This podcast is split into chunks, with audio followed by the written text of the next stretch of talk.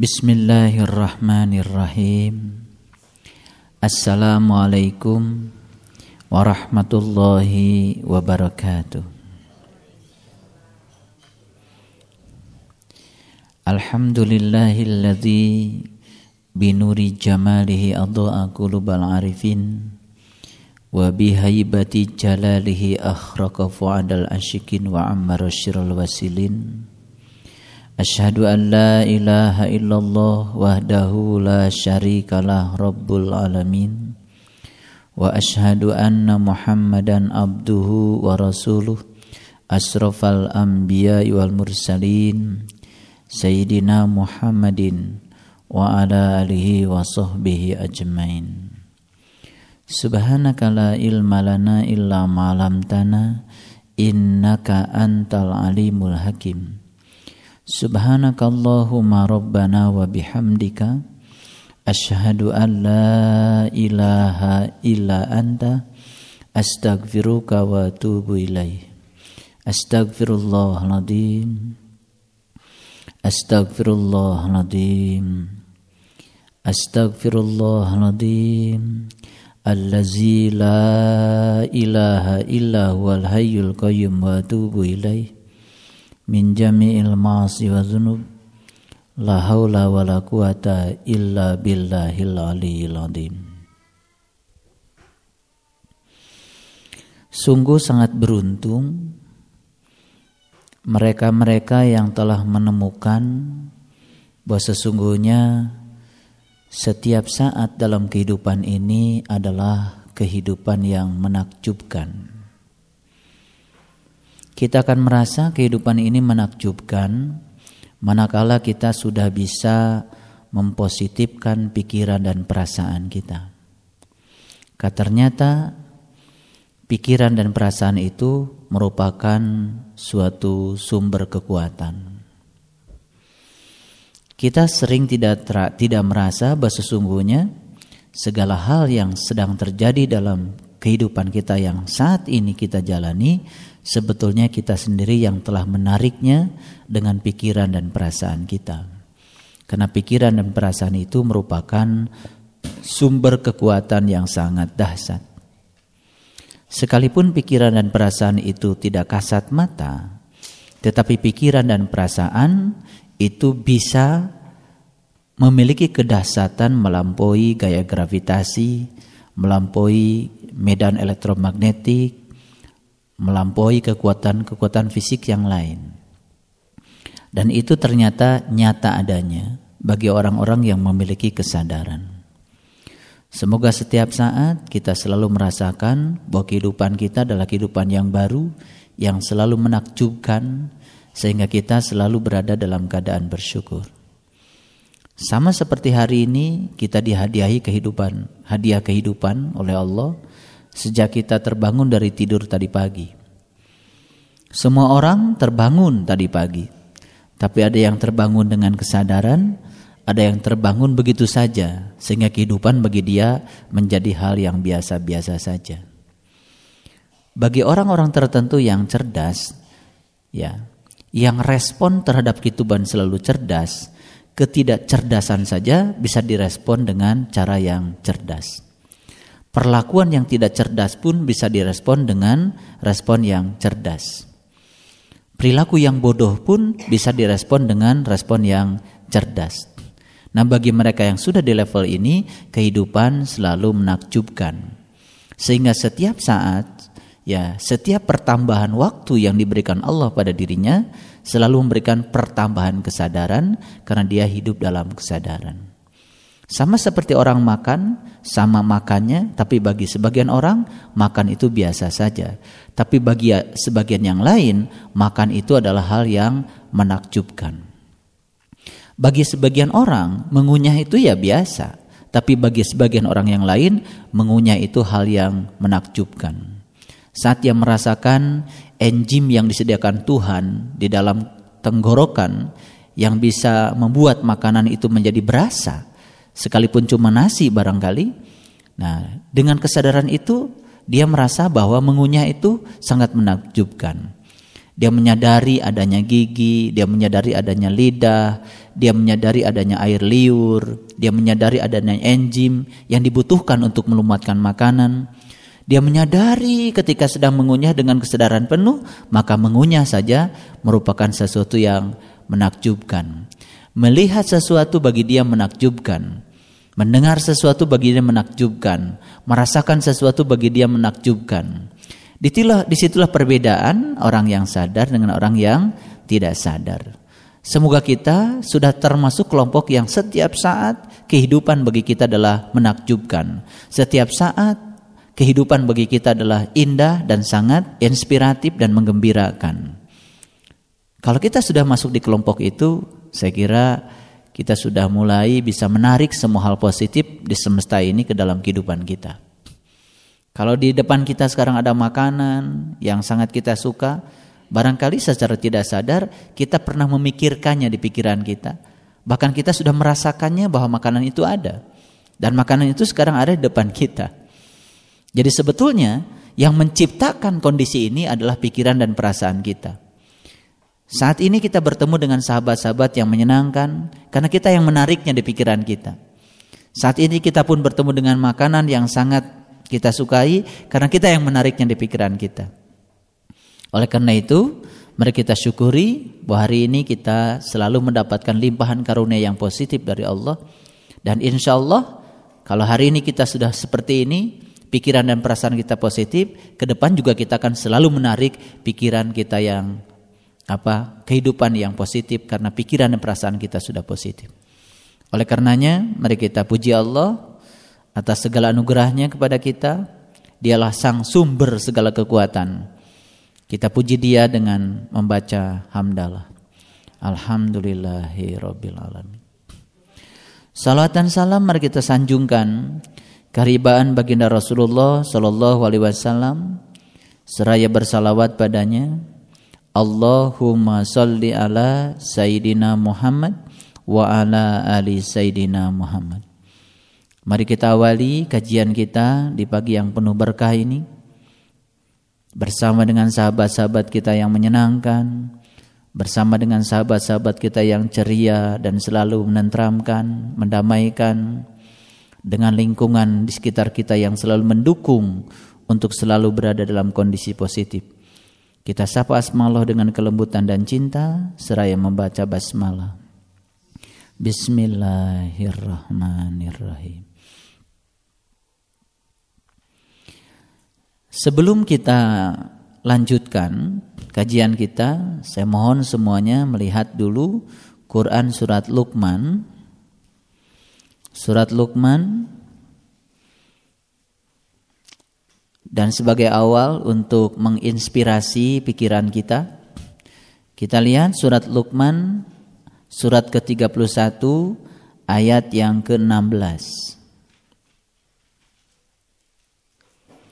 Saya sudah mengatakan di episode yang sebelumnya bahwa ayat 1 sampai ayat 11 itu adalah lapisan ya, lapisan spiritual yang pertama yang harus dilakoni oleh semua orang yang ingin mendapatkan kenikmatan spiritual yang sesungguhnya.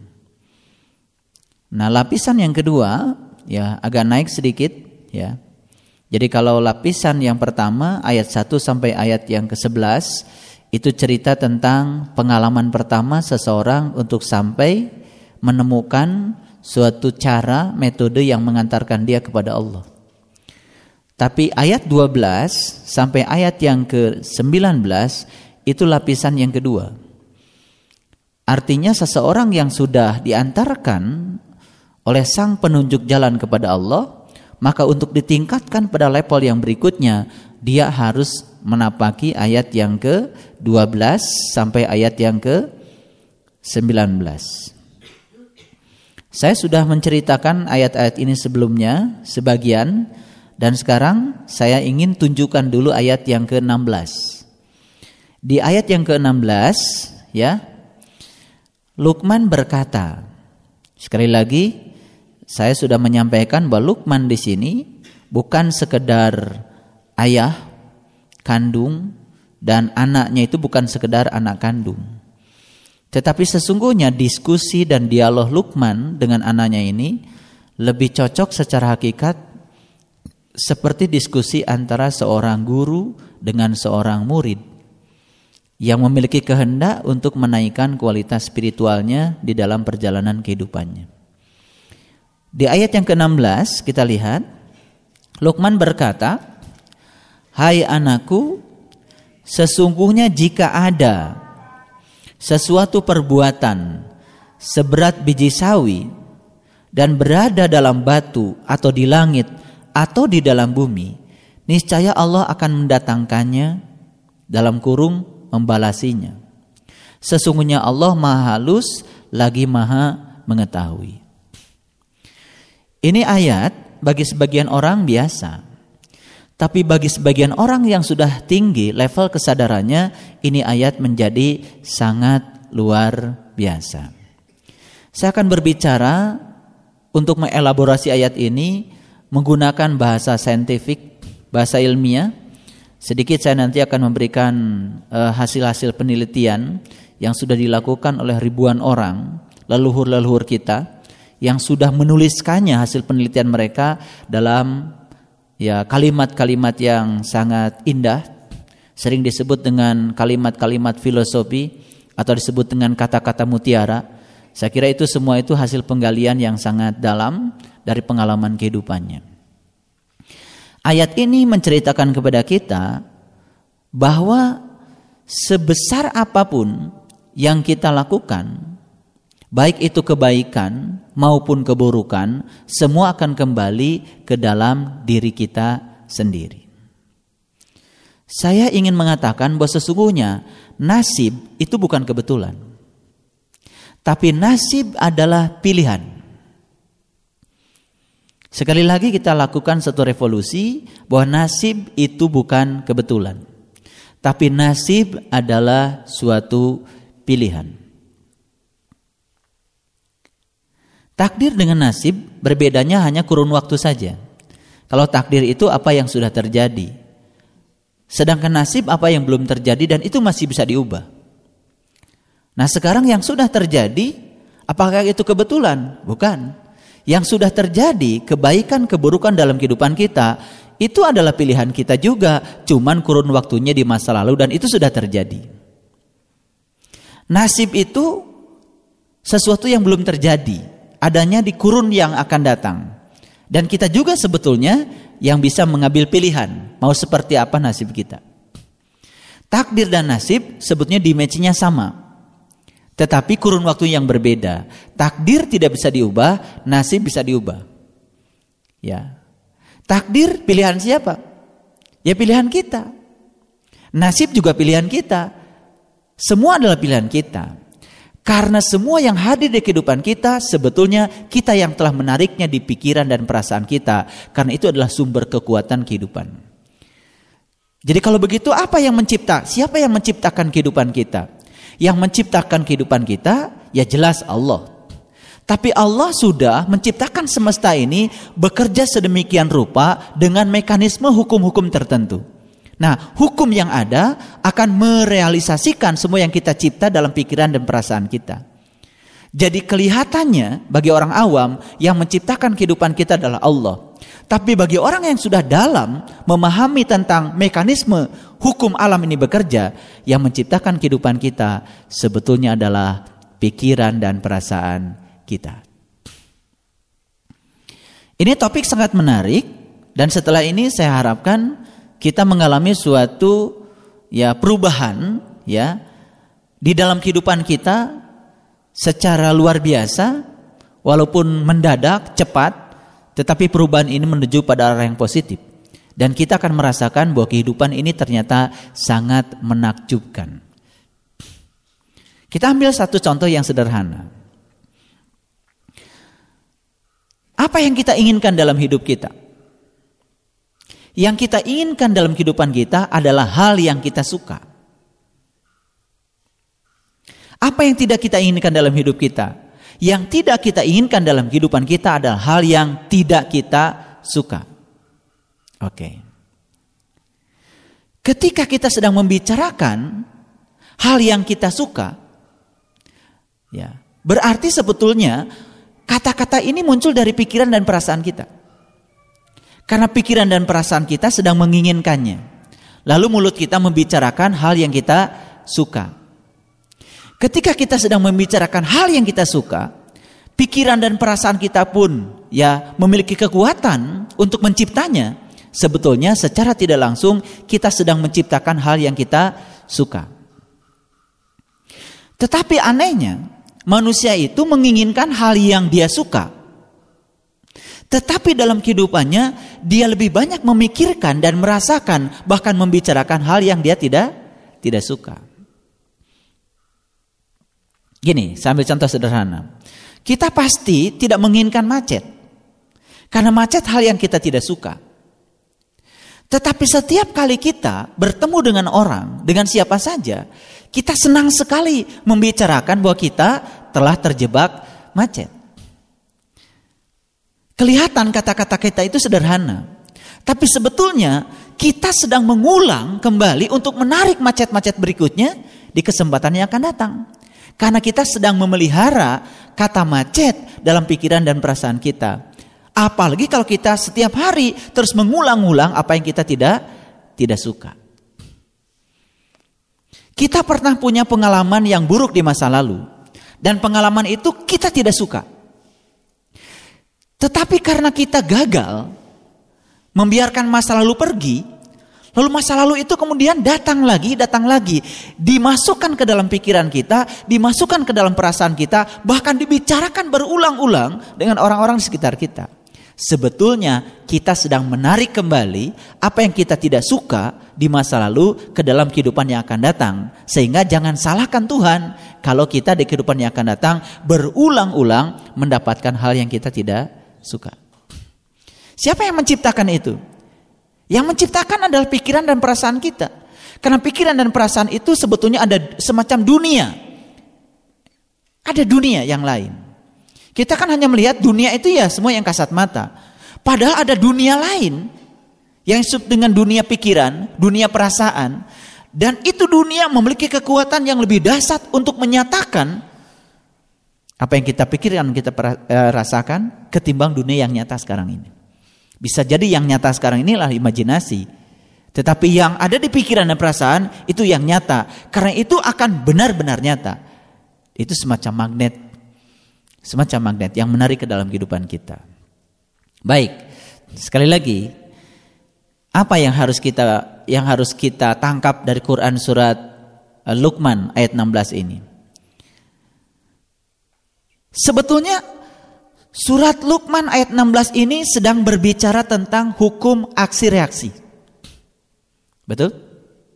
Ya, kita tahu yang menemukan hukum aksi reaksi itu kan sebetulnya seorang fisikawan yang bernama Isaac Newton. Dan semua orang kalau berbicara fisika, belajar fisika pasti akan berbicara hukum-hukum Newton. Ada tiga hukum Newton. Hukum Newton satu, hukum Newton dua, hukum Newton tiga. Hukum Newton 3 ini berbicara tentang aksi reaksi. Ternyata ketika kita bicara tentang perjalanan kehidupan spiritualnya Newton, Newton itu sebetulnya berbicara hukum aksi reaksi bukan di dimensi material saja. Tapi Newton ternyata lebih jauh lagi berbicara tentang hukum aksi reaksi itu dalam dimensi yang lebih jauh. Dalam dunia yang tak bertepi. Yaitu di dalam hukum spiritual.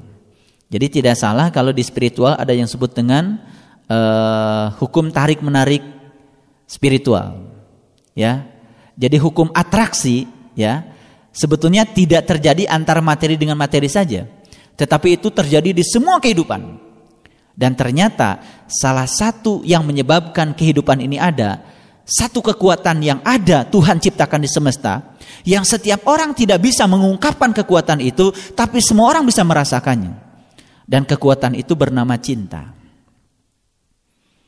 Dan cinta itu bukan sekedar dalam dimensi yang sempit, tapi cinta dalam dimensi yang sangat sangat luas. Alexander Graham Bell itu menciptakan telepon, saya yakin itu karena cinta. Karena cinta. Keluarganya Wright pada saat main-main dengan pesawat, lalu kemudian terciptalah pesawat yang sangat memudahkan kita dalam dunia transportasi. Saya percaya itu pun karena cinta. Bahkan ada yang mengatakan ketika cinta kita usir dari dunia ini, maka dunia ini akan dalam sekejap akan berubah menjadi kuburan. Satu masyarakat, satu bangsa terbentuk karena apa? Satu bangsa terbentuk karena apa? Karena ada provinsi-provinsi. Provinsi terbentuk karena ada kabupaten kota. Kabupaten kota terbentuk karena apa? Karena ada kecamatan. Kecamatan terbentuk karena ada RW-RW. RW-RW terbentuk karena ada RT-RT. RT terbentuk kan karena ada keluarga. Dan keluarga terbentuk karena cinta. Betul nggak? Jadi kalau gitu bangsa ini terbentuk karena apa? Karena cinta. Kalau begitu dunia ini terbentuk karena apa? Karena cinta. Makanya satu hukum yang paling baik untuk kita bicarakan saat ini, hukum cinta, salah satunya adalah hukum tarik menarik. Betul nggak? Gini, saya kasih tahu. Kita tertarik pada makanan yang kita sukai, pada makanan yang favorit. Begitu kita berhadapan dengan makanan yang kita sukai, saat itu juga kita merasakan bahwa di depan kita ada makanan yang menakjubkan. Betul nggak? Ketertarikan pada makanan itu karena kita merasakannya, karena kita menyenanginya, karena itu adalah makanan favorit kita. Pada saat itu sesuatu menjadi sangat menakjubkan. Betul? Oke. Sekarang kita bicara lebih luas lagi. Bicara lebih luas lagi. Saya mau bicara pada aspek materinya materi saja dulu. Kenapa bumi ini bisa tetap berada di porosnya? Kenapa bumi ini tetap mengitari matahari? Kenapa semua bintang-bintang itu tetap berada di porosnya? Mengapa semua diam di porosnya semua? Itu kan karena ada satu hukum. Hukum tarik menarik. Mengapa tubuh kita sekarang terbentuk seperti ini? Karena di dalamnya ada apa? Ada molekul. Di dalam molekul ada sekumpulan atom. Di dalam atom ada elektron, ada proton. Ada elektron yang bergerak mengelilingi inti, ada inti atom di tengahnya. Inti atom bermuatan positif dan elektron bermuatan negatif. Dua benda bermuatan, yang satu bermuatan negatif, yang satu bermuatan positif, terjadi tarik menarik yang disebut dengan tarik menarik gaya listrik yang menimbulkan gaya sentripetal yang menyebabkan elektron berputar mengelilingi inti. Itu kan karena ada hukum tarik menarik. Jadi sebetulnya tubuh kita terjadi karena apa? Karena hukum tarik menarik. Nah, salah satu kekuatan cinta, salah satunya adalah hukum tarik menarik. Hukum tarik menarik ada itu karena cinta. Bahkan Allah mengatakan, karena kecintaanku pada Nur Muhammad, aku ciptakan semesta ini. Itu dalam hadis kudsi. Jadi sebetulnya Tuhan pun menciptakan semesta ini dengan cinta. Kalau Tuhan menciptakan semesta ini dengan cinta, berarti di semesta ini banyak sekali sebenarnya kekuatan positif yang bernama cinta. Tetapi kekuatan positif itu perlahan memudar saat manusia mulai memasukkan aspek-aspek negatif ke dalam pikiran dan perasaannya dan kemudian itu yang menyebabkan kita merasa kehidupan ini banyak diseliputi oleh hal yang yang negatif. Ternyata cinta itu dibatasi pada hal yang positif saja. Baik, kita bicarakan lebih lanjut lagi. Kenapa ada dokter? Kenapa ada guru? Kenapa ada pengusaha? Kenapa ada ibu rumah tangga? Betul nggak? Saya kira semua itu ada karena cinta. Betul nggak? Oleh karena itu, semua peran yang Allah berikan kepada kita di semesta ini untuk satu hal sebetulnya. Bukan karena kita sedang berperan, tapi karena kita sedang diperankan untuk tujuan Tuhan. Karena Tuhan ingin menyalurkan cintanya kepada orang yang berhak mendapatkan cintanya Tuhan lewat tangan Tuhan. Dan kita bisa menjadi kepanjangan tangannya. Itu sebabnya saya pernah mengatakan bahwa iman harus menghasilkan cinta. Masih ingat? Cinta harus menghasilkan pelayanan. Pelayanan harus menghasilkan kedamaian. Jadi sebetulnya cinta itu bisa diproduksi lewat iman. Nah oleh karena itu ada orang mengatakan iman tapi tidak memproduksi cinta, berarti kan ada yang salah. Baik, kembali lagi pada tadi, ya. Kita sekarang cek pada diri kita. Lebih banyak mana kita dalam hidup ini membicarakan yang kita suka atau membicarakan yang kita tidak suka? Mana yang lebih banyak? Kita suka nggak membicarakan apa yang kita lihat di televisi? Misalkan tentang yang kita tidak suka. Yang tidak suka misalkan tentang perilaku seseorang atau misalkan tentang hal yang dianggap menyimpang oleh kita. Betul nggak? Nah, kita saat ini membicarakan yang kita tidak suka. Maka besoknya ada kecenderungan kita akan membicarakan yang kita tidak suka. Lusa Nah, yang besok itu yang yang besok itu sebenarnya di, diundang oleh kita hari ini. Karena hari ini kita sedang menariknya lewat pikiran dan perasaan kita. Makanya sebetulnya yang paling power dan luar biasa, kalau kita ingin mendapatkan yang kita suka saja dalam hidup, berarti kita harus berhenti membicarakan yang kita tidak suka. Jadi sekarang yang harus kita lakukan apa? Berhenti membicarakan yang kita tidak suka. Terus terang saja, ini perlu latihan. Karena barangkali kita kan secara automatically, begitu pulang dari mana yang kita ada yang kita tidak suka kita bicarakan. Betul nggak? Contoh yang sederhana. Kita di jalan melihat satu adegan, misalkan apa? Yang kita tidak suka. Saat itu kita bicarakan. Saat kita sedang membicarakannya, yang kita bicarakan lahir dari mana? Dari pikiran kan? Dari pikiran. Dari pikiran dan perasaan. Berarti, berarti sesungguhnya kekuatan pikiran dan perasaan kita sedang mencipta yang kita tidak suka. Nah, makanya the law of the law of attraction yang namanya hukum atraksinya, ya, berarti besok kita akan menemukan yang sama. Lusa akan menemukan yang sama. Berikutnya akan menemukan yang sama dan akan berulang-ulang yang sangat kita tidak suka akan hadir kembali ke dalam kehidupan kita karena hari ini kita yang telah mengkreasinya. Kita yang telah menciptakan. Ini perlu perenungan, perlu perenungan. Ini kelihatannya biasa, tapi ini sangat luar biasa. Saya ingin berbicara untuk mengubah agar kehidupan kita hari ini dan ke depan lebih baik. Karena nasib itu pilihan kita, bukan kebetulan. Dulu kan nasib diserahkan pada Tuhan, tergantung yang di atas. Betul nggak? Sekarang kita pahami lebih dalam tentang Tuhan itu siapa? Tuhan itu Rob al-Alamin. Dia sang keberadaan. Dia menciptakan semesta dengan hukum-hukumnya yang bekerja sedemikian rupa. Begitu seseorang memberi, pasti menerima yang dia beri.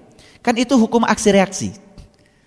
Makanya yang diberi dengan yang terima pasti akan setimpal. Kita hanya akan menerima yang kita beri. Gitu. Nah, sebetulnya ketika kita sedang memikirkan dan merasakan sesuatu, sebetulnya kita sedang memberi. Karena yang kita pikirkan dan yang kita rasakan itu sedang terpancarkan keluar sebagai gelombang, sebagai energi. Nah, ketika kita memikirkan dan merasakan sesuatu yang positif, berarti kita sedang memberikan ke semesta yang positif.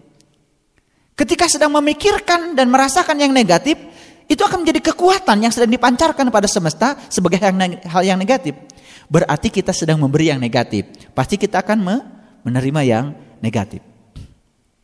Tolong diperhatikan. Ini ini perlu bukan perenungan saja, tapi kita juga perlu menyelidikinya dalam kehidupan kita. Sebetulnya hukum ini sudah terjadi sejak lama. Kita tidak menerima hukum gravitasi, kita tidak menerima hukum elektromagnetik, walaupun kita tidak menerimanya, tetap saja hukum itu berjalan. Betul nggak? Nyatanya apa? Saya tidak percaya itu hukum gravitasi. Kenyataannya walaupun orang tidak percaya, ketika dia pegang benda, kemudian dia jatuh benda, tetap saja benda itu jatuh ke bumi. Dan hukum gravitasi ini itu yang telah mendamaikan kita. Kita bisa menginjakan kaki di bumi ini karena ada hukum gravitasi. Air bisa mengalir di sungai karena hukum gravitasi. Makanan bisa diam di piring ini bisa karena hukum gravitasi. Air bisa tinggal di dalam gelas ini karena hukum gravitasi. Bayangkan begitu hukum gravitasi diambil oleh Allah, semua ini menjadi berantakan. Pisang goreng bisa tinggal di sini dan kita mengambilnya dengan leluasa karena hukum gravitasi. Kita tidak sadar bahwa sebetulnya kita bisa duduk sekarang karena ada hukum gravitasi. Betul nggak? Kita ditarik oleh bumi dengan gaya sebesar gaya tarik bumi pada kita. Sebetulnya kita pun menarik bumi dengan gaya sebesar gaya tarik kita pada bumi. Jadi sebetulnya ada gaya yang bekerja pada diri kita, ada gaya yang bekerja pada bumi secara simultan dalam waktu yang bersamaan. Cuman kan kita sering mengatakan kita jatuh ke bumi, bukan bumi jatuh ke kita. Padahal sebenarnya boleh-boleh saja kita mengatakan, wah tadi bumi jatuh ke kita. Boleh, boleh. Bukan bu, kita jatuh ke bumi, tapi tadi bumi jatuh ke kita. Biar gak kerasa sakitnya. Hmm. Ada orang lagi kerja di bangun, aduh orang itu jatuh ke bumi. Ya supaya nggak kerasa sakitnya, bilang aja tadi bumi jatuh ke orang. Hmm. Boleh? Boleh. Cuman karena kita tidak tahu rahasianya. Yang kita tahu itu kan sebenarnya bumi itu tidak memberikan bumi itu memberikan gaya pada orang. Kita lupa bahwa sebetulnya orang pun memberikan gaya pada bumi. Ketika kita duduk seperti ini, kan yang kita rasakan kita ditarik bumi. Padahal bumi juga sebetulnya ngomong, aku juga ditarik kamu. Cuman gaya yang sama bekerja pada dua masa yang berbeda. Gaya yang bekerja pada kita terasa dampaknya. Gayanya sama karena kitanya kecil, terasa dampaknya pada kita. Tapi bumi kan masanya besar. Gaya yang sama bekerja pada bumi tidak terasa oleh bumi. Betul nggak? Makanya kita katakan saja orang jatuh ke bumi, bukan bumi jatuh ke orang. Walaupun kita boleh mengatakan bumi jatuh ke orang, karena kita tahu sebetulnya gaya itu ada dan dua-duanya bekerja. Cuman karena kita diajarkan oleh lingkungan dengan kasat mata, tidak tahu yang dibaliknya, kan ngomong kita itu fotokopinya yang ada di lingkungan. Ketika kita berbicara beda, kan dianggap orang aneh. Oh masa ada bumi jatuh ke benda? Kan gitu ada bumi jatuh ke orang kan nggak percaya. Padahal itu adalah hukum hukum gravitasi. Jadi hukum gravitasi itu kasat mata? Kasat mata? Tidak. Yang kasat mata itu dampaknya. Sekarang hukum cinta kasat mata? Tidak. Yang yang kasat mata itu adalah dampaknya. Betul nggak? Cintanya tidak kelihatan. Tahu-tahu udah ada orang aja anak. Udah ada cucu saja, betul nggak? Iya, cintanya nggak kelihatan, tapi dampaknya kelihatan, betul nggak? Jadi jangan mengira yang tidak kelihatan itu tidak memiliki kekuatan. Bisa jadi yang tidak kelihatan lebih dahsyat kekuatannya daripada yang kelihatan. Karena kita lebih suka yang kelihatan kan? Makanya kita harus mengembangkan pikiran kita, imajinasi kita, inspirasi kita, kecerdasan kita untuk melihat bahwa sesungguhnya ada satu dunia di balik dunia yang nyata ini, yaitu dunia pikiran dan perasaan yang memiliki kekuatan yang sangat dahsyat dan itu yang mencipta kehidupan kita. Jadi sebetulnya ya Quran surat Luqman ayat 16 sudah cerita itu. Sudah cerita itu, ya. Jadi apa saja yang kau pancarkan yang positif, kau akan menariknya yang positif. Apa saja yang kau pancarkan yang negatif, kau akan menariknya yang negatif. Sekarang, sekali lagi saya ingin tegaskan, berarti mulai hari ini kita harus berhenti membicarakan yang kita tidak suka. Misalkan gini, kita tidak suka dengan orang. Kemudian orang itu terus aja dibicarakan karena kita tidak suka dengan dia. Sebetulnya kita sedang menarik orang-orang yang sama untuk dibicarakan oleh dia di kehidupan yang besok dan lusa terus menerus. Tiga kali dia membicarakan orang yang berbeda, berarti di depan akan ada tiga lagi orang yang akan hadir dalam kehidupan dia untuk dia bicarakan. Dan terus dia akan berhadapan dengan orang-orang seperti itu. Sekarang mari kita ubah, kita bicarakan saja orang-orang yang menyenangkan kita. Betul nggak? Lebih banyak kita bicarakan orang yang menyenangkan kita, maka setiap hari kita akan ketemu dengan orang-orang yang menyenangkan. Bicarakanlah makanan yang menyenangkan. Setiap hari kita akan ketemu makanan yang menyenangkan. Jadi sebetulnya ya, kita ada kesalahan besar dalam kehidupan kita. Apa? Kita mengira hari Senin sampai hari Jumat saatnya kita bekerja keras dan hari Sabtu, hari Minggu kemudian kita libur santai, menikmati hasil kerja keras. Itu salah. Kalau kita berpikir seperti itu, tetap saja Senin sampai Jumat hari yang menyiksa kita. Hanya sesekali saja di akhir pekan kita mendapatkan hari yang menyenangkan karena sudah diplot oleh pikiran kita Senin sampai Jumat adalah hari kerja keras. Kata kerja keras masuk di dalam pikiran dan perasaan kita. Akibatnya Senin sampai Jumat kita tidak bahagia. Kenapa kita kita tidak kita ciptakan pekerjaan saya adalah pekerjaan yang menyenangkan. Makanya berhenti melakukan pekerjaan yang kita tidak suka. Karena itu tidak akan berkembang. Lakukan saja pekerjaan yang kita suka. Ada orang sukses bikin travel. Awalnya cuma karena dia suka bepergian. Ternyata dia su awalnya suka bepergian, terus aja init-initan. Hmm. Ternyata membuat dia menarik semua yang positif tentang dunia travel ke dalam kehidupannya. Ternyata setelah saya wawancari semua teman-teman yang bergerak di dunia travel, gawe awalnya tuh tukang init-initan. Hmm. Tapi dia senang melakukan itu. Gitu. Mohon maaf. Jadi berhentilah melakukan pekerjaan yang kita tidak tidak suka karena tidak akan berkembang. Gitu. Ini yang disebut dengan the secret, the power. Ini adalah rahasia dari satu kekuatan di semesta. Yang sedang saya bicarakan adalah kekuatan yang terbesar yang mengendalikan semesta ini adalah cinta. Dan cinta bekerja berdasarkan hukum tarik menarik. Setuju nggak? Awalnya kan kita tertarik pada pasangan kita, betul nggak? Sehingga setelah itu terjalin hubungan, namanya cinta, betul nggak? Awalnya kan tertarik. Jadi ketika kita menyukai sesuatu kan awalnya dari ketertarikan dulu. Nah, karena ketertarikan ini awalnya berarti semua hal bekerja dengan hukum ketertarikan. Nah, sekarang tubuh kita juga bekerja begitu. Betul nggak? Seperti itu. Semua sel di tubuh kita bekerja dengan hukum tarik menarik. Betul nggak? Bangunan ini ada karena bekerja dengan hukum tarik menarik. Gimana Pak? Kan itu mah semen. Ya Allah. Semen itu ya dengan besi, dengan pasir, dengan batu bata itu kan diikat oleh air. Betul nggak? Ternyata semen keras, batu keras, besi keras, bata keras. Semua yang keras suruh bersatu nggak bisa. Setelah diikat dengan air, semuanya menjadi bersatu. Kenapa air bisa mengikat? Karena air itu sangat lembut.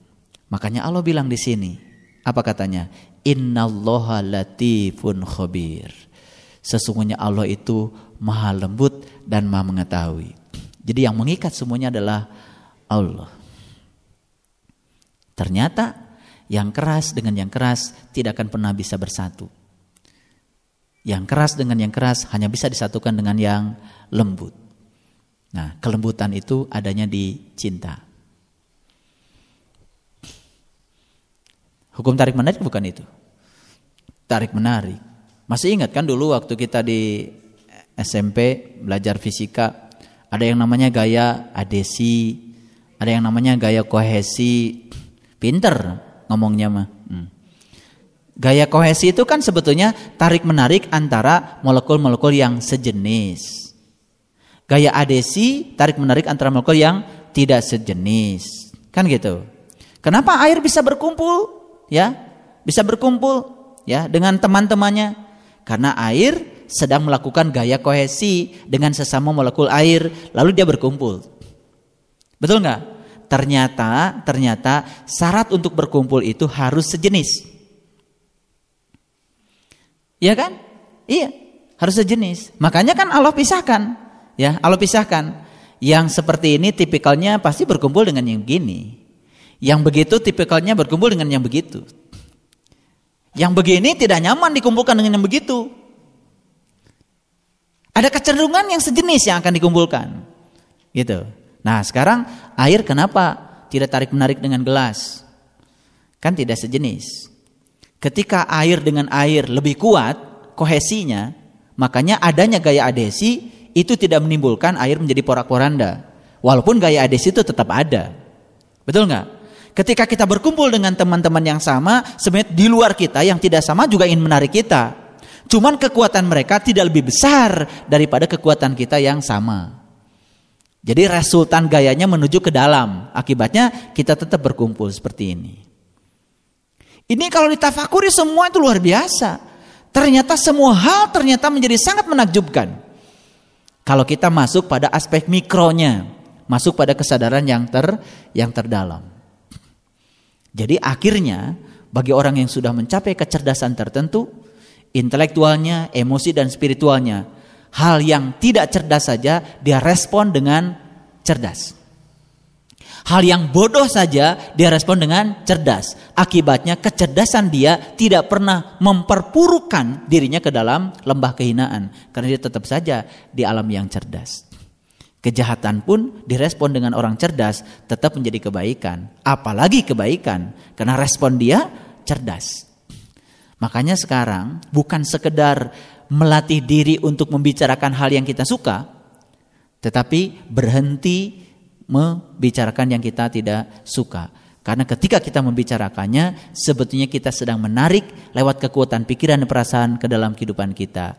Jadi kalau begitu kehidupan kita yang saat ini yang menciptakan adalah kita. Mungkin kita tidak secara formil berpikir sedang mencipta, tetapi kan kita ingin lebih baik, ingin bertemu dengan orang-orang yang baik, betul nggak? Ingin bertemu dengan makanan yang baik, yang menyenangkan, yang membahagiakan, kan seperti itu. Lalu seperti itu. Dan hari ini kita yang mencipta, bukan siapa-siapa.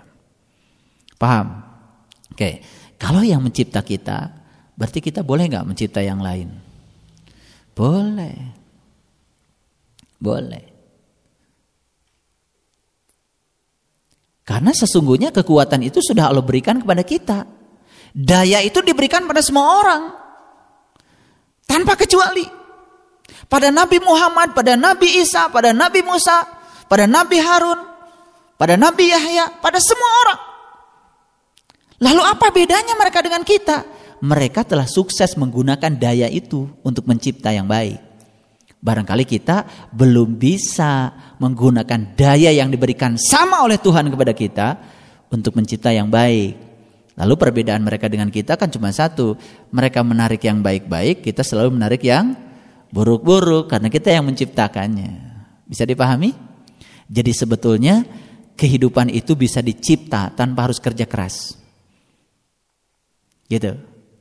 Karena kita selalu bekerja bahwa kebahagiaan harus diraih dengan kerja keras. Sementara kekuatan yang terbesar di dalam pikiran, di dalam perasaan kita tidak pernah kita manfaatkan. Lalu kita terus-menerus ada di aspek materi.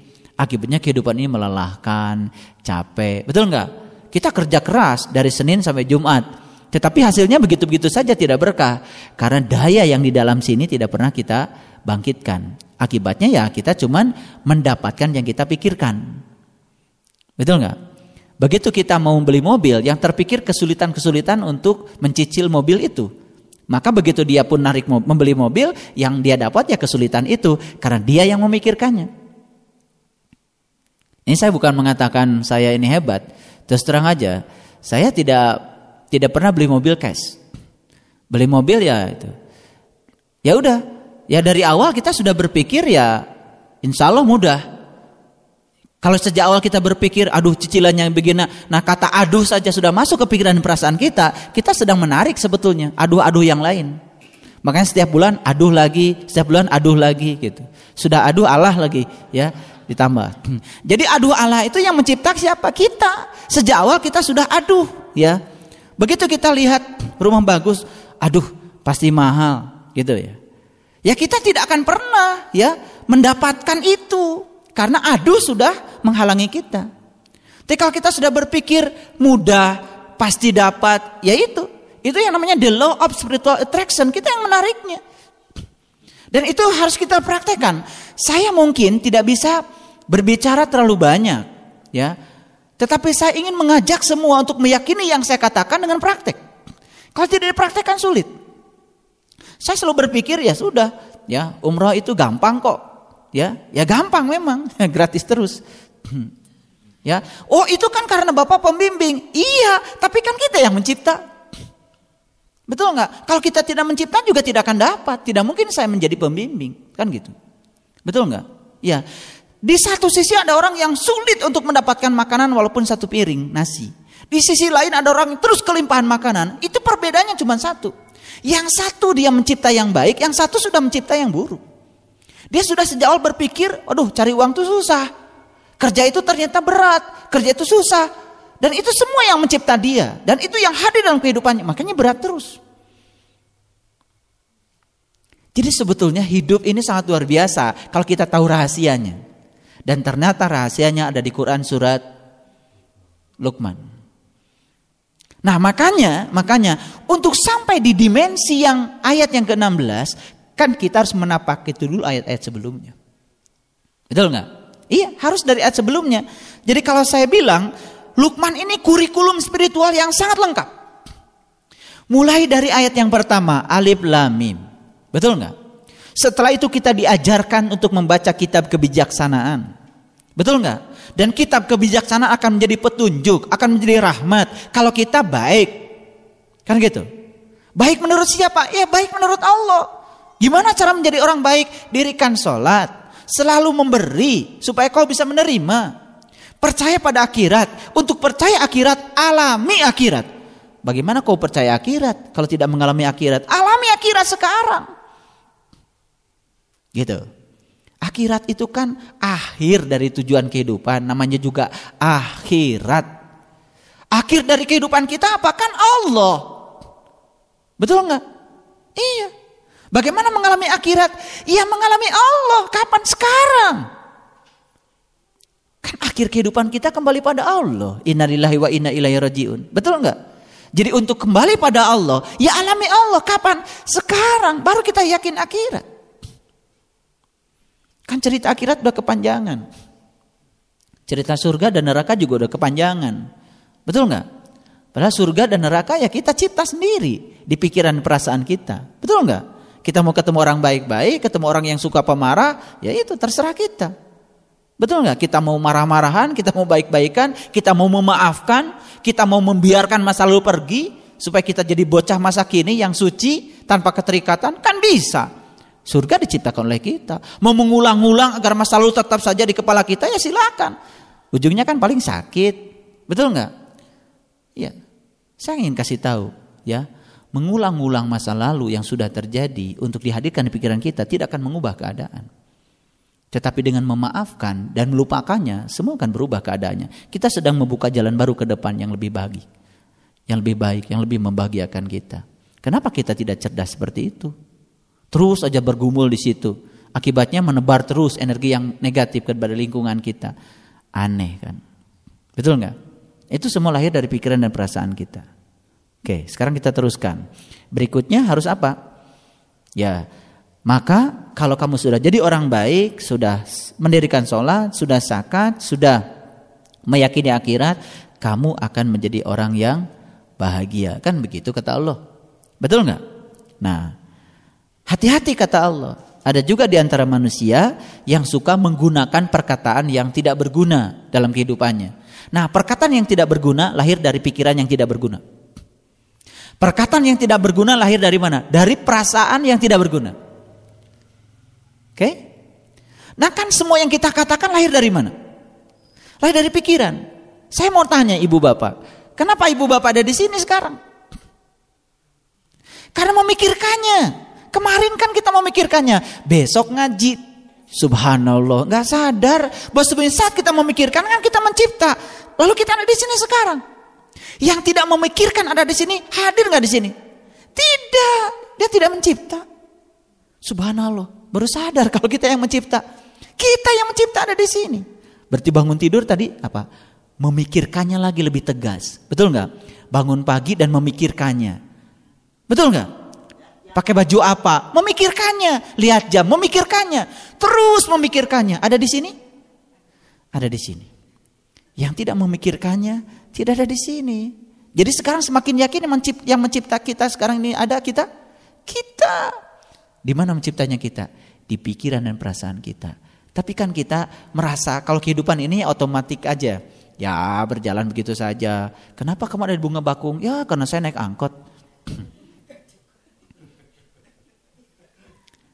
Itu jawaban-jawaban orang yang, ya itu jawaban juga. Tapi jawaban orang yang tidak sadar bahwa ada satu kekuatan yang menggerakkan dia. Jadi la haula wala quwata itu coba mulai diamalkan, bukan sering diucapkan. La haula wala quwata, la haula wala quwata itu dalam sekali. Bahkan saling menghargai orang yang tidak mengucapkan tapi menyadarinya. daripada banyak mengucapkan tidak menyadarinya. Syukur kalau mengucapkan sekaligus menyadarinya. Kenapa Nabi Muhammad mengatakan la haula wala quwata illa billahil aliyil adim dan diajarkan ucapan itu pada kita. Untuk apa? Supaya itu menjadi afirmasi. Supaya itu menjadi penegasan.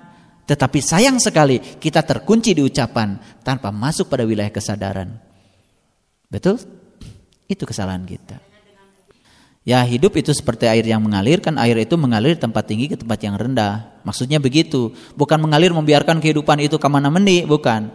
Air itu selalu mengalir tempat tinggi ke tempat yang rendah. Artinya kalau kehidupan ini ingin ya luar biasa semakin rendah, semakin rendah. Yang apa yang direndahkan? Hatinya. Karena ternyata rendah hati itu adalah kunci kebahagiaan. Jadi hidup seperti air yang mengalir bukan ke mana meni tetapi hidup seperti air yang mengalir semakin merendah, semakin merendah, semakin merendah. Nah, semakin merendah itulah haula wala quwata.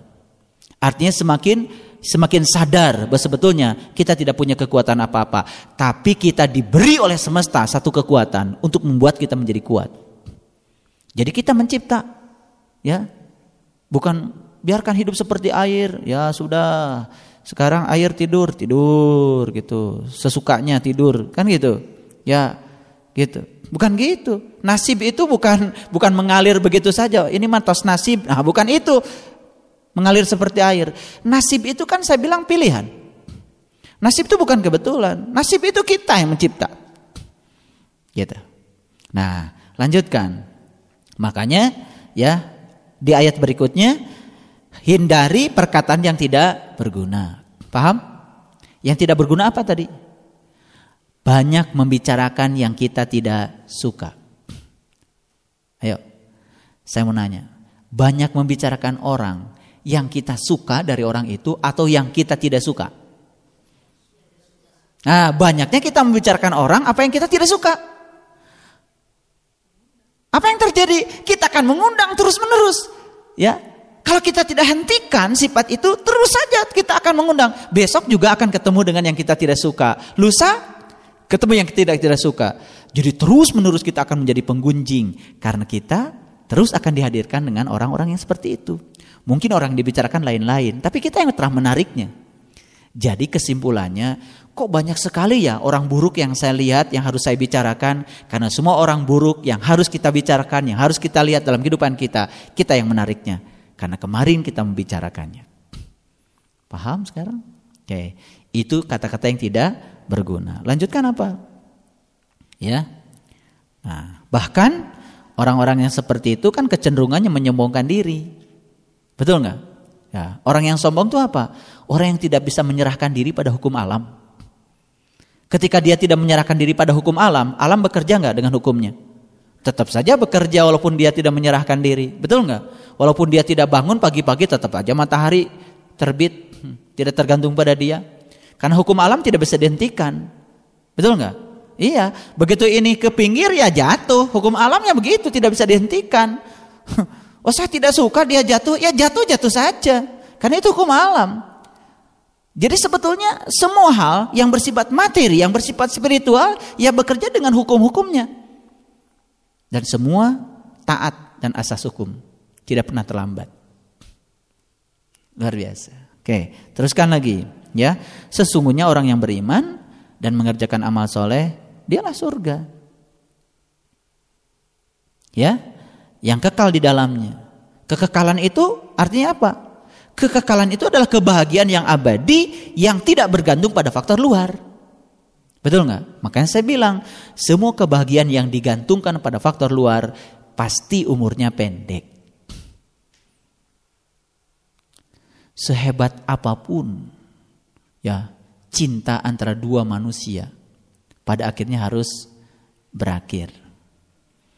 Karena itu faktor luar. Tapi cinta dengan Allah sehidup semati karena itu tidak bergantung pada faktor luar. Ya, semua yang faktor luar umurnya pendek. Karena apa? Begitu yang di luar berubah, yang di dalam juga pasti berubah. Kan itu sebetulnya yang membuat manusia menderita karena yang kita jadikan gandulan semua faktor luar. Betul nggak? Akibatnya manusia tidak terasa bahwa dia sedang menarik penderitaan ke dalam dirinya. Itu. Gini saya kasih tahu. Kalau burung dalam sangkar, jeruji sangkarnya yang membuat manusia. Bukan burung ingin di penjara di situ.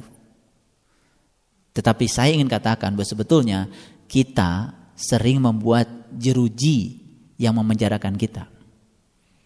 Dan jeruji itu salah satunya adalah pikiran dan perasaan buruk yang sering mencipta hal buruk di dalam kehidupan kita. Satu kali berpikir buruk, kita sedang membuat satu jeruji. Satu kali berpikir buruk lagi, kita sedang buat jeruji. Satu kali berpikir buruk lagi kita sedang bikin jeruji. Betul nggak? Makin lama jeruji makin banyak. Nah sekarang asalnya satu jerujinya. Masih bisa terbang? Masih. Dua jerujinya masih bisa lepas? Masih. Tapi begitu sudah mengelilingi semua kita, kita sudah ada di jeruji semuanya. Kita sudah mulai tidak bisa terbang lagi. Kemerdekaan kita dirampas oleh kita sendiri. Mohon maaf, makanya Nabi Isa mengatakan, pada akhirnya satu-satunya yang bisa membebaskanmu adalah kebenaran. Ya memang yang bisa membebaskanmu adalah kebenaran. Begitu sampai pada kebenaran, kebenaran kan kata Quran al-haqqu mirabbika. Kebenaran itu ya Allah. Jadi yang bisa membebaskan adalah Allah. Hanya Allah yang bisa. Ya sudah, kita bergantung saja ya sama yang bisa membebaskan kita, yang ada di dalam diri kita. Gitu. Kita teruskan. Ya. Dia menciptakan langit dan seterusnya, ya, meletakkan gunung-gunung. Ingat itu. Ya.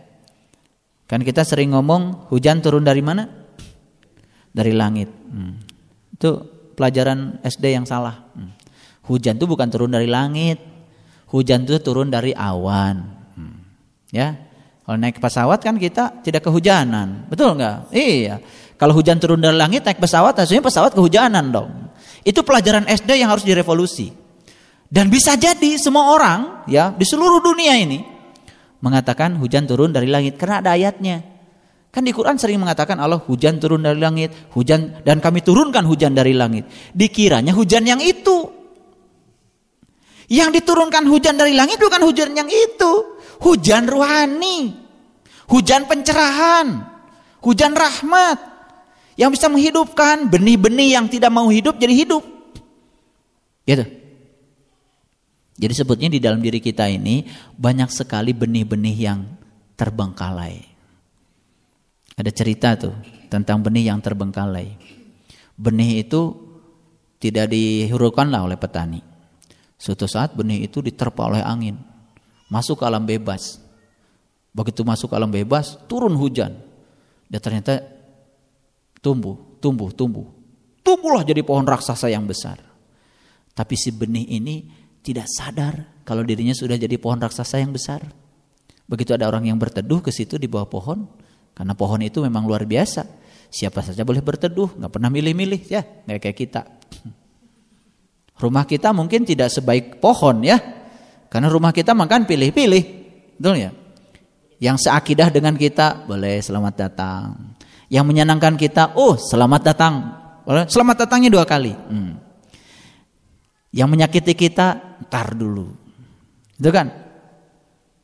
Gitu kan? Pohon nggak begitu, ya? Yang menyakiti pohon saja masih boleh berlindung di bawah pohon. Hmm. Hebat ya pohon. Hmm. Kalah kita sama pohon. Nah, suatu saat ini cerita yang tadi ada orang berlindung di bawahnya. Terus dia bilang, terima kasih ya pohon raksasa. Di hujan yang besar ini saya bisa berlindung. Apa kamu? Pohon raksasa. Saya ini benih yang terabaikan. Dia masih tetap saja merasa sebagai benih yang terabaikan. Padahal dia sudah jadi pohon raksasa. Ya, gak apa-apa kita jadi benih yang terabaikan. Yang penting jadi pohon raksasa. Nanti di bawah pohon raksasa banyak yang berlindung? Oh, banyak. Walaupun awalnya benih yang terabaikan. Tapi saya bukan cerita itu. Di dalam diri kita banyak benih-benih yang terabaikan. Banyak. Dan sedang menunggu turunnya hujan dari langit. Benih kearifan ada nggak di situ? Benih kebijaksanaan. benih kejujuran, benih kasih sayang, benih kesabaran, benih keluasan, semua benih itu sudah dititipkan oleh Allah sejak pertama kali kita dicipta. Dan aku tiupkan ruhku. Bukankah pada saat peniupan yang pertama itu benih itu sudah disemaikan, lalu terabaikan oleh kita, betul nggak? Jadi perlu hujan dari langit. Inilah hujan dari langit. Kalau hujan yang untuk pohon itu hujan dari awan. Jadi harus direvolusi pelajaran SD. Harus. Semua orang ngomong kalau hujan yang itu pasti dari langit. Salah. Dari awan kok. Betul nggak? Repot itu BPPT kalau mau bikin hujan dari langit. Hmm. Berarti pesawatnya harus bisa ke langit.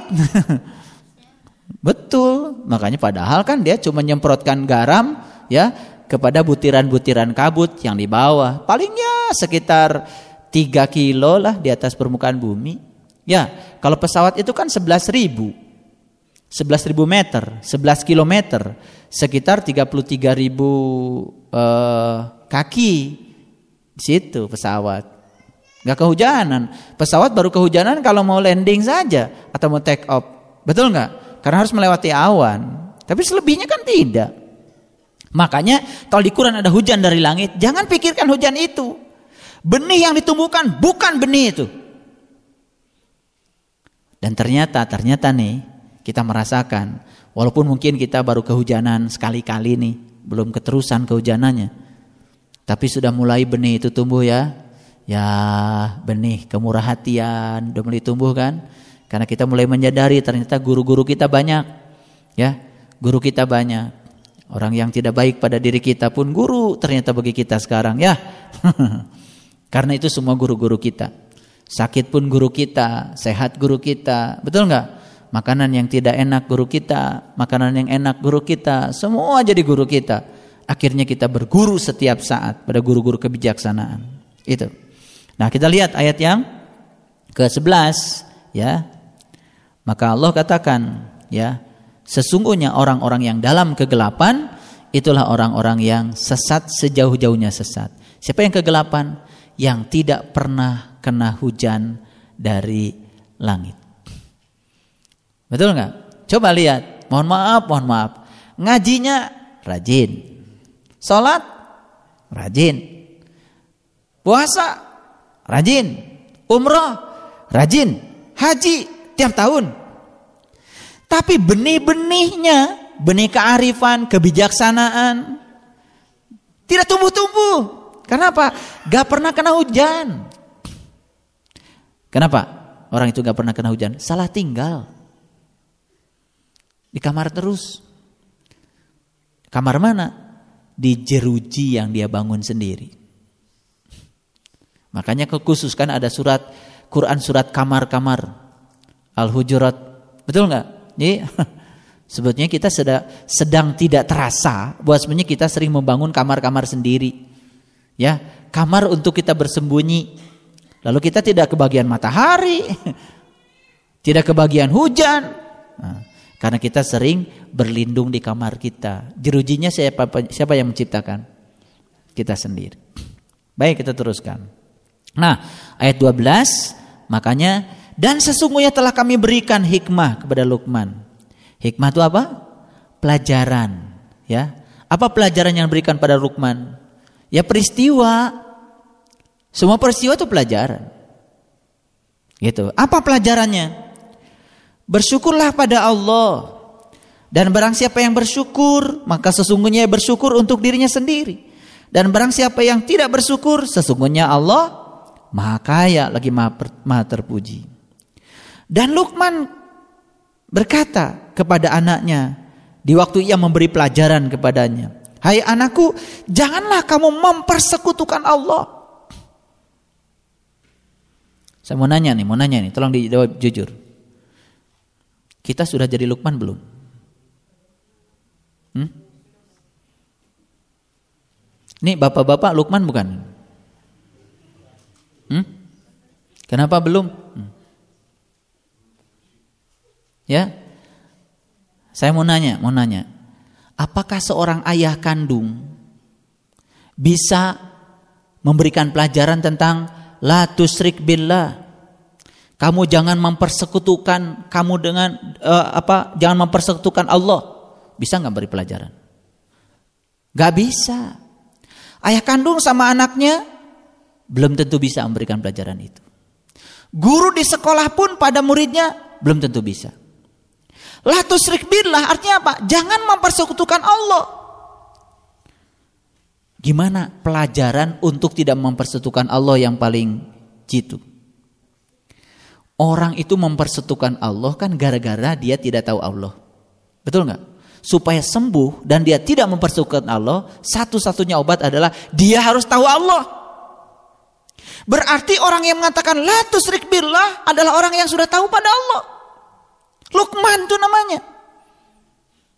Jadi Lukman ini lebih bagus kalau diperankan sebagai guru, seorang penunjuk jalan. Kan kepadanya sudah diberi hikmah.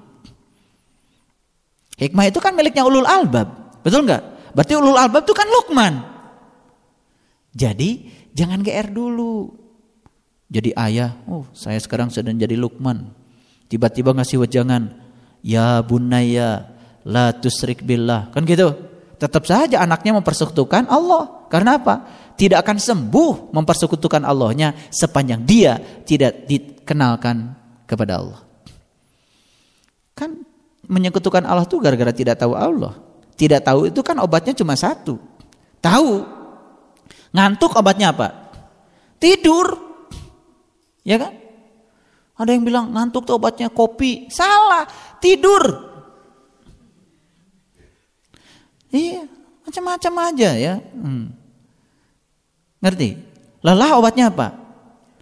Bukan ginseng, bukan apa, istirahat. Kita kan cari obat yang aneh-aneh. Betul nggak? Iya. Gampang kok. Lapar obatnya apa? Makan. Betul nggak? Iya. Jangan cari obat yang aneh-aneh. iya. Tidak tahu obatnya apa? Tahu. Itu saja. Kita tidak tahu tapi udah aja nyari yang lain-lain. Tidak tahu apa sih sebetulnya Pak? Tidak tahu Allah? Ya tahu Allah obatnya. Gimana caranya? Ya cari orang yang bisa menunjukkan Bapak pada Allah. Langsung sembuh. Makanya Luqman kan memberikan pelajaran la tusrik billah ya bunaya la tusrik billah wahai anak-anakku anak-anak spiritual ini bukan anak kandung bayangkan ya bayangkan ya saya hanya menasihati anak-anak saya la tusrik billah yang lain kan nggak kebagian Betul nggak? Iya. Jadi murid itu dari kata uridu. Uridu itu siapa saja orang yang berkehendak. Berkehendak, berkehendak tahu. Tahu siapa? Ya tahu Allah. Yang ingin tahu Allah kan namanya murid. Yang tahu Allah namanya guru. Yang tidak tahu diajarkan sama gurunya. Kan jadi tahu. Ngerti ya Lukman ya? Ya, sering baca surat Lukman. Sering ya, sering ya. Kalau ada orang melahirkan gitu kan. Hmm. Kadang-kadang kita GR sendiri ya, udah jadi Lukman rasanya. Hmm. Ya, karena anak saya udah pintar ngaji. udah jadi Lukman rasanya. Hati-hati, la tusrik billah tidak mungkin diajarkan oleh orang sembarangan. Betul nggak? Iya. Bagaimana bapaknya bisa mengajarkan la tusrik billah? Bapaknya aja masih mempersekutukan Allah kok. Sholatnya aja belum bisa mengingat pada Allah. Betul nggak? Iya. Tapi kan kalau tidak dijelaskan begini kita udah GR aja jadi Lukman, betul nggak? Kenapa anaknya dipesantrenkan Pak? Ya bunaya la tusrik billah. Keren. Keren lah pokoknya. Ya. Nah, teruskan ya. Ayat ke-14 berbicara tentang bagaimana hormat pada orang orang tua. Itu syarat kedua ya. Jadi pelajaran pertama yang diberikan Lukman ya, itu adalah itu. Latus rikbillah. Pelajaran yang kedua adalah berbuat baik pada kedua orang tua. Karena mereka telah menjadi lantaran kita kembali mendapatkan tubuh yang sempurna ini. Lalu dengan tubuh yang sempurna ini kita bisa menapaki kehidupan spiritual kita. Tanpa tubuh yang sempurna ini kita tidak mungkin bisa mengantarkan sang jiwa menuju Allah. Jadi kalau gitu kita lahir atas nama apa? cinta. Betul nggak? Ya cinta lagi. Kalau tidak ada cinta kan tidak ada tarik menarik. Betul nggak? Iya. Jadi tarik menarik ini adanya karena cinta. Betul nggak? Iya. Dari hukum tarik menarik itu ya timbullah kita. Jadi kalau kita dilahirkan karena cinta, berarti kita ini sebetulnya adalah buah cinta. Betul nggak? Buah cinta harusnya apa? Cinta. Buah cinta harusnya cinta. Ya kan, buah mangga, mangga kan? Nanti kalau ditanam lagi, ya pohon mangga menghasilkan buah mangga. Ditanam lagi, buah mangga lagi. Kan gitu. Tanam lagi, buah mangga lagi. Kan gitu. Pohon rambutan, buahnya rambutan. Ditanam lagi rambutan. Nah, pohon kita kan pohon cinta. Berarti buahnya cinta. Harusnya kalau ditanam ya tumbuh cinta lagi. Nah, kenapa nih aneh? Ada okulasi di mana? Ada penyimpangan di mana? Kok pohon cinta menghasilkan kemarahan, kebencian? Betul nggak? Iya, tidak membuahkan cinta. Kan ada yang salah. Salah ngaji kayaknya. Hmm. Baik, kita teruskan ya. Nah, di ayat yang ke-15 dan jika keduanya memaksamu untuk mempersekutukan. Ini soal paksa memaksa. Kalau memaksa biasanya pakai kata apa? Pakai harus. Betul nggak? Iya. Nah, yang menyebabkan pelajaran agama menjadi memuakan itu sebenarnya karena harus. Wajib, harus, wajib, harus. Tolabul ilmu tuh wajib. Ini pendekatan pembelajaran yang keliru. Ya, orang itu datang ke tempat pengajian bukan karena harus dan wajib, karena dia rindu. Karena ada cinta. Betul nggak? Ngaji, dia datang ke pengajian bukan karena cinta, tidak akan membuahkan apa-apa. Harus, wajib. Apalagi bisa kawalat. Kan la ikrafidin, tidak ada paksaan dalam agama. Paksaan itu kata yang sering dipakai dalam bahasa kan harus. Kamu anak ya, harus taat sama orang tua. Gak berlaku lagi sekarang. Orang tuanya wesing balik. Betul nggak? Kan anaknya pasti nyontoh. Tidak usah mengatakan harus. Harus belajar. Itu artinya kalau di rumah itu ada kata harus, pasti ibu bapaknya nggak pernah belajar. Ngerti maksud saya? Kalau orang tua mengatakan harus belajar, harus belajar, pasti ibu bapaknya nggak pernah baca buku.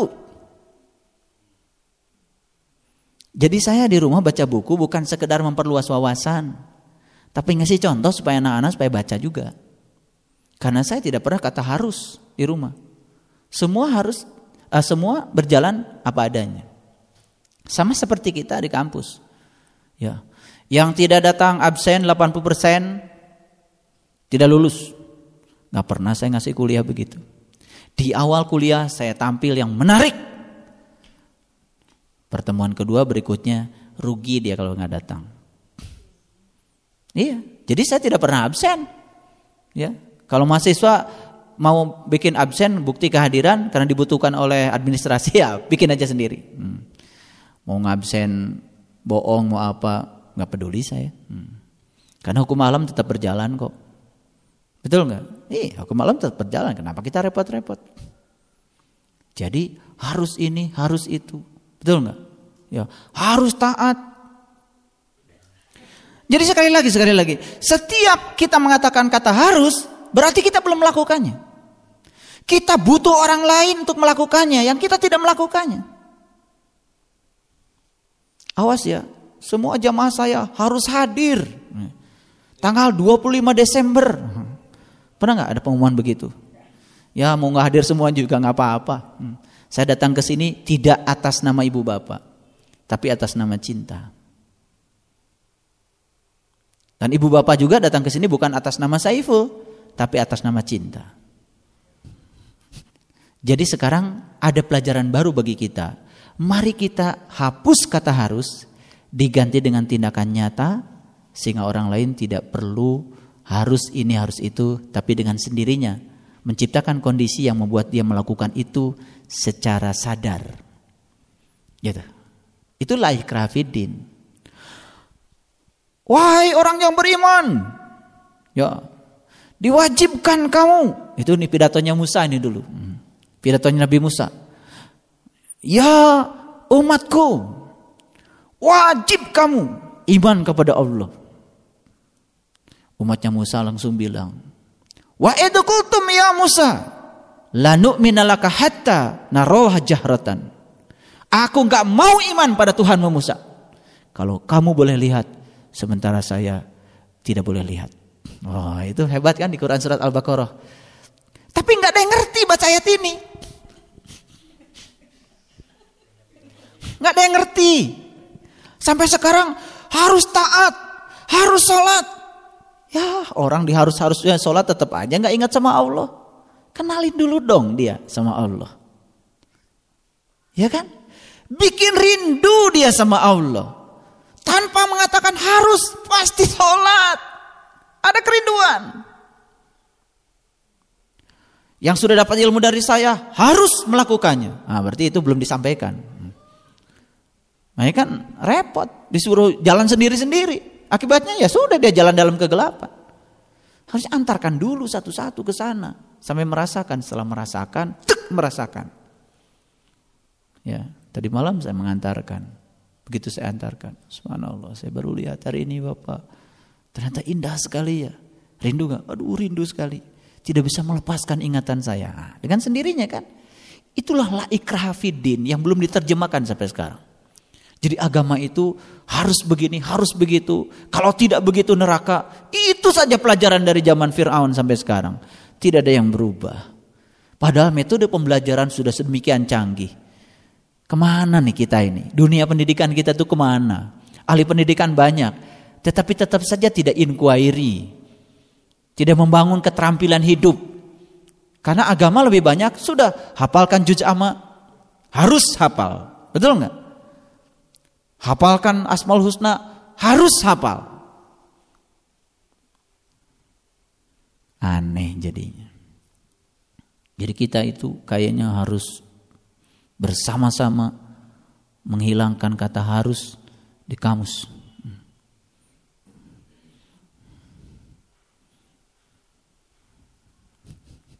Karena kata itu sudah saatnya tidak dipakai sering-sering. Untuk saat-saat tertentu saja. Kalau darurat. Ya, pernah nggak bilang harus makan ya? Pernah nggak? Iya, harus makan, harus makan. Sementara makanannya yang dia tidak suka, ya nggak makan dia. Betul nggak? Berarti harus makan diganti dengan apa? Sediakan saja makanan yang menarik bagi dia. Hilang nggak kata harusnya? Hilang, nggak disuruh juga ambil piring. Betul nggak? Harus makan, harus makan. Cuman ada tarasi masih kena papisah jeng cabena.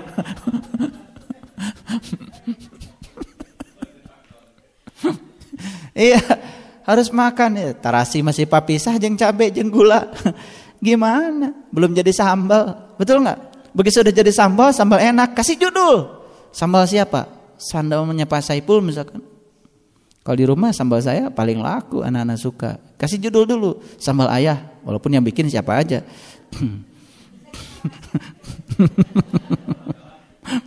sambal Garut, sambal Garut. Nanti nanti kita bikin sambal itu. Kalau udah bikin saya bikin sambal itu nggak nggak bisa nggak usah pakai harus datang ya nggak usah. Pokoknya ada sambal Garut. Hmm. Datang pasti. Ini cuma mengubah paradigma supaya kita tidak keseringan menggunakan kata harus. Karena kata harus pasti diucapkan oleh orang yang belum melakukannya. Jadi tidak usah lagi kita bilang harus sholat. Ajarkan saja sholat pada tingkat rasa. Betul nggak? Iya. Dan lain sebagainya. Baik, kita teruskan. Ah, ini kan panjang nih, panjang sampai ayat yang ke 16. Betul? Nah, baru ayat 16 kita berbicara tentang dimensi yang sangat luar biasa tadi. Dimensi kekuatan. Ya, dimensi kekuatan. Jadi Tuhan yang Maha Halus sudah menciptakan semesta ini sedemikian rupa bekerja menurut hukum-hukumnya. Jadi oleh karena itu, mulai sekarang mari kita pancarkan lewat pikiran dan perasaan kita hal yang positif. Berhenti membicarakan yang kita tidak suka. Karena yang kita tidak suka itu akan hadir lagi. Besoknya hadir lagi. Besoknya hadir lagi. Tetapi kita selalu menyalahkan pihak lain. Betul nggak? Ketika peristiwa itu hadir, hadir, hadir yang kita salahkan pertama siapa? Orang lain. Inilah kegagalan kita untuk bisa memanage diri kita. Padahal sebetulnya kita sendiri yang telah menjadi magnet untuk menarik itu.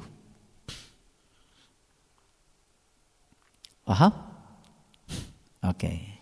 Kita lihat ayat yang ke-17. Hai anakku, dirikanlah solat. Ya, dan suruhlah mengerjakan yang baik dan cegahlah dari perbuatan yang mungkar. Mohon maaf. Terjemahan ini bukan begitu harusnya. Ya bunaya aqimis sholat. Wahai anakku dirikanlah sholat. Siapa yang sedang mengajarkan ini? Bapak atau guru? Guru sedang mengajar pada muridnya. Karena tidak mungkin kan seseorang mendirikan sholat kalau tidak dikenalkan dulu kepada siapa yang harus dia sembah. Betul nggak? Makanya ya bunaya aqimi sholah bukan bapak kandung pada anak kandung. Tetapi guru sedang berbicara kepada murid. Selanjutnya apa? Wa'mur bil ma'ruf. Hendaklah kamu bermakrifat. Itu. Hendaklah kamu mengenal. Kan kata dasarnya arafah. Betul nggak? Tapi ma'ruf sering diterjemahkan kebajikan. Betul nggak? Padahal kata dasarnya arofa. Arofa itu kan mengenal. Hendaklah kamu mengenal. Kan gitu. Siapa yang sedang berbicara? Ayah kandung pada anaknya? Bukan. Guru pada muridnya. Wa'mur bil ma'ruf. Kemudian apa lagi? Wa anha anil munkar. Dan mencegah seseorang yang sudah mengenal untuk tidak memungkirinya. Jadi ini kan sebetulnya perintah untuk mengadakan pasca. Pasca sebetulnya.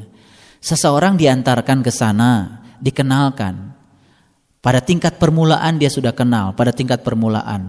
Untuk mengenal lebih jauh, dia kan harus dibina. Ini perintahnya. Wa'mur bil ma'ruf wa anha anil munkar. Jadi orang-orang yang sudah dikenalkan itu cegah mereka supaya mereka jangan kembali ke belakang. Maka ada pengajian seperti ini, ini dalam rangka mencegah. Sebisa mungkin yang masih bolong telinganya, kan gitu. Yang bisa dicegah tuh yang masih bolong telinganya. Di Quran surat Luqman kan dibahas, yang sudah ada sumbatan di telinganya udah nggak bolong lagi, ya susah, mau dicegah gimana? Tuh. Oke, teruskan. Ya. Dan bersabarlah terhadap apa yang menimpa kamu. Ini kan artinya setelah kita ya mencipta tadi dengan pikiran dan perasaan kita, kemudian kita belum juga mendapatkan, karena perlu latihan dulu kan pada fase awal, betul nggak? Bersabar dulu, ya bersabar dulu, karena untuk sampai ya bisa mulus ya, seperti yang tadi dibicarakan itu, ya perlu latihan. Biasanya yang paling berbahaya adalah kita berhenti melakukan sesuatu padahal sebetulnya keberhasilan sudah di depan mata. Betul nggak? Kita sering berhenti melakukan sesuatu karena putus asa. Padahal sebetulnya kalau masih melakukan satu langkah lagi, di situ sudah ada yang menunggu yang bernama keberhasilan. Karena keberhasilan itu kan baru diraih kalau jatah gagalnya habis. Hmm. Jadi jatah gagalnya harus habis dulu berhasil. Hmm. Ya. Dan janganlah kamu memalingkan mukamu dari manusia. Awas. Ya. Memalingkan muka dari manusia. Ya. Terus dan janganlah kamu berjalan di muka bumi dengan angku. Sesungguhnya Allah tidak menyukai orang-orang yang sombong lagi membanggakan diri. Itu syarat berikutnya. Ini kan semacam modul perjalanan spiritual itu seperti itu. Karena pasti ada fase-fase seperti itu, ya kan? Fase yang paling berbahaya manakala kita tidak menyukai orang yang tidak menyukai kita.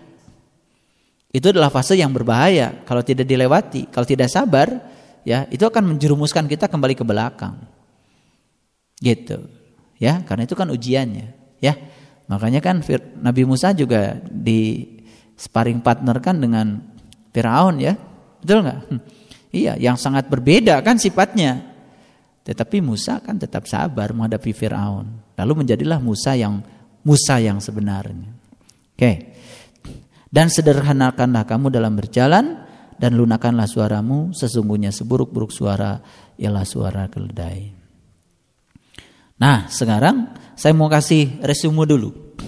Ya. Jadi kekuatan tadi, kekuatan tadi itu adanya di mana? Di pikiran dan perasaan. Pikiran dan perasaan itu adalah kekuatan. Ya, kekuatan. Dan itu yang bisa mencipta. Gitu. Nah, semua itu tercipta karena cinta. Yang positif ya. Cinta. Dan cinta ternyata berjalan menurut hukumnya yang disebut dengan hukum tarik menarik. Semua terjelma karena ada cinta. Oke, saya ingin kasih resume. Yang pertama, cinta itu tidaklah lemah. Cinta juga tidak cengeng. Cinta juga tidak lembek. Betul nggak? Betul ya? Kalau sudah ada cinta, lewat kuburan juga nggak masalah. Betul nggak? Cinta itu kekuatan positif dalam hidup. Jadi cinta itu kekuatan positif. Jadi yang menginspirasi pikiran dan perasaan untuk selalu positif itu adalah cinta. Karena cinta itu adalah kekuatan yang positif dalam hidup. Cinta itu sumber segala yang positif dan sumber segala hal yang menyenangkan. Jadi, mulai sekarang dengan cinta kita akan belajar untuk membicarakan hal yang menyenangkan. Ya, kalau tadi habis naik angkot, misalkan, aduh di angkotnya Pak Jejel, tos tong didongengkan. Ya, besoknya pasti akan dapat angkot yang Pak Jejel lagi. Betul nggak? Ya. Tapi itu kan tidak kita sadari. Biasanya kalau kita cerita itu malah sangat senang ketika kita membicarakan apa yang kita tidak suka. Betul nggak? Jadi sekarang mulai membicarakan yang kita suka. Alhamdulillah Tadi saya dapat makanan yang luar biasa. Ah, besok dapat makanan yang luar biasa lagi. Besoknya. Hmm, hmm. Ya, ya, gitu. Jadi sekali lagi kalau di masa lalu ada hal yang kita tidak suka, berhenti membicarakannya. Karena yang kita tidak suka di masa lalu akan berulang-ulang kita tuai di kehidupan yang akan datang. Tapi kita tidak pernah sadar bahwa sebenarnya kita yang mengundangnya. Maka hari ini diapakan? Dihentikan. Apa pun yang kita inginkan untuk menjadi, untuk dilakukan, dan untuk dimiliki, itu berasal dari cinta. Kekuatan positif cinta dapat menciptakan apa pun yang menyenangkan, memperbanyak hal-hal yang menyenangkan, dan mengubah apa pun yang negatif di dalam kehidupan kita. Jadi kekuatan cinta bisa mengubah semua yang negatif menjadi positif. Oke. Okay. Setiap hari, setiap saat kita memilih apakah ya, akan mencintai dan memanfaatkan kekuatan positif atau tidak. Jadi itu tinggal pilihan kita. Mau memanfaatkan kekuatan positif cinta atau tidak. Itu pilihan pilihan kita. Hukum tarik menarik adalah hukum cinta. Dan hukum inilah yang berlaku dalam kehidupan kita. Jadi kehidupan kita didasarkan atas hukum tarik menarik. Jadi semua yang terjadi dalam kehidupan kita siapa yang menariknya? Kita. Tapi dengan cinta kita akan menarik yang positif positif saja. Oke? Okay? Apa pun yang kita berikan ke dalam hidup ini adalah yang akan kita terima kembali dalam hidup. Oke? Berikanlah hal-hal yang positif, kita akan menerima yang positif. Berikanlah hal-hal yang negatif, kita akan kembali menerima yang negatif. Sekarang mari kita sadari semua yang negatif yang kita terima hari ini dan di kehidupan kita yang telah lewat, siapa yang menariknya? Dengan cara apa kita menariknya? Dengan cara memberikan yang negatif. Dari mana diberikan? Dipancarkan lewat pikiran dan perasaan kita. Jadi sebenarnya ketika kita sedang memikirkan sesuatu yang negatif, sebenarnya kita sedang memberikan kepada semesta yang negatif. Maka semesta akan memberikan yang negatif pula. Paham? Oke. Okay. Kehidupan tidak terjadi begitu saja pada kita. Kita menerima segala hal dalam hidup, ya dalam hidup kita berdasarkan apa yang kita berikan. Berarti kita tidak akan pernah menerima selama kita tidak memberikannya. Lewat mana memberikannya? Yang pertama, memberikannya lewat pikiran dan perasaan. Pancarkan dari pikiran dan perasaan kita hal-hal yang positif. Oke.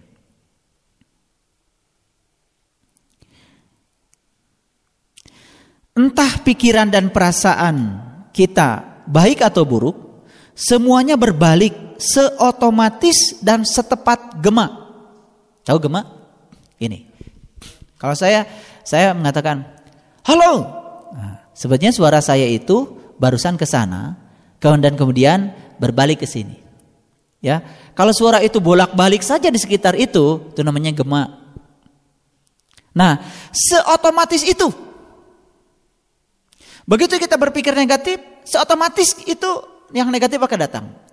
Begitu kita berpikir positif, seotomatis itu yang positif akan datang. Seperti gema. Oke, maka cinta itu sering diibaratkan seperti gelombang dan arus laut yang selalu membawa energi. Gitu. Baik. Yang berikutnya, orang-orang yang hidupnya menyenangkan lebih banyak memikirkan dan membicarakan tentang apa-apa yang mereka sukai. Jadi kok orang lain itu hidupnya ya menyenangkan. Kenapa ya dia senang? Ternyata kuncinya karena dia lebih banyak memikirkan dan membicarakan tentang yang mereka suka ketimbang memikirkan dan membicarakan hal-hal yang tidak mereka suka. Ini sekarang teliti nanti dalam kehidupan kita. Ini orang ini kok hidupnya kelihatannya senang gitu ya. Baik-baik saja gitu. Saya yakin kalau kita dekati dia karena satu rahasia yang ada pada dia, dia suka memikirkan dan membicarakan hal-hal yang baik-baik saja. Mohon maaf tanpa merendahkan. Di satu sisi ada orang yang kehidupannya, aduh, ya, istilahnya untuk makan saja harus kerja keras, susah selalu gitu ya. Dekati dia. Saya yakin dia sering memikirkan dan membicarakan hal-hal yang dia tidak suka. Dan semua yang tidak suka kemudian hadir diundang sama dia. Ini hukum alam. Mau percaya sama saya atau tidak, hukum ini terus berjalan.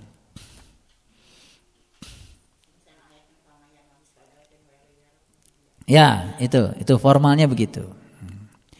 Setuju sampai sini? Teruskan. Nah, bicarakan kabar baik hari ini. Bicarakan apa yang kita suka. Dan datangkan apa-apa yang kita suka bagi diri kita.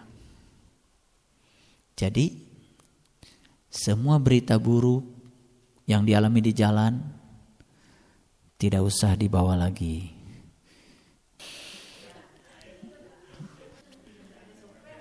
Ya, hal yang sederhana saja, hal sederhana ketika kita berpikir dapat tempat parkir yang nyaman, praktek sederhana dan selalu dapat. Sekalipun di tempat yang menurut pikiran kita, pikiran kita nih tidak mungkin kita mendapatkan. Tapi kan semesta ini merespon semua pikiran kita. Karena kita dengan pikiran semesta itu sebetulnya ada resonansi.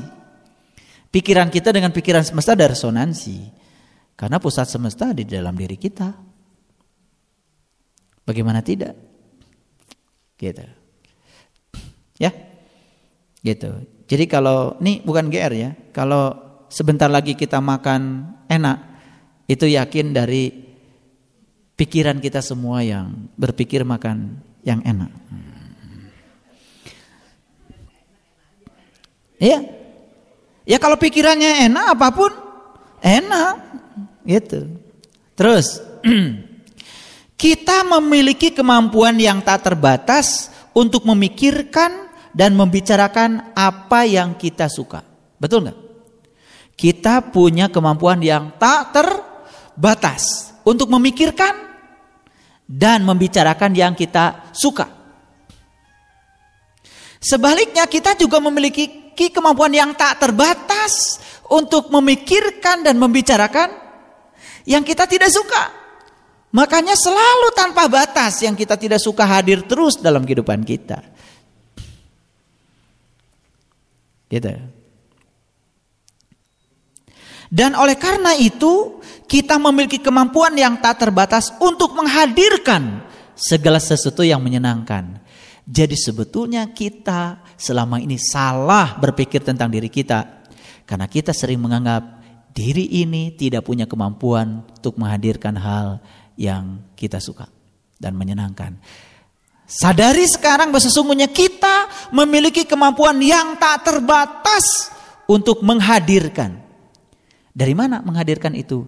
Dari memikirkan dan membicarakan yang kita suka karena kita diberi kemampuan untuk memikirkan, membicarakan yang kita suka tak terbatas, berarti kita pun bisa menghadirkan yang kita tidak, yang kita suka dengan cara memikirkan dan selalu membicarakan tak terbatas. Pasti akan dihadirkan. Ya. Luar biasa? Oke. Jadi sekali lagi ya, kita memiliki kemampuan tak terbatas untuk memikirkan dan membicarakan apa-apa yang kita suka. Dan karena itu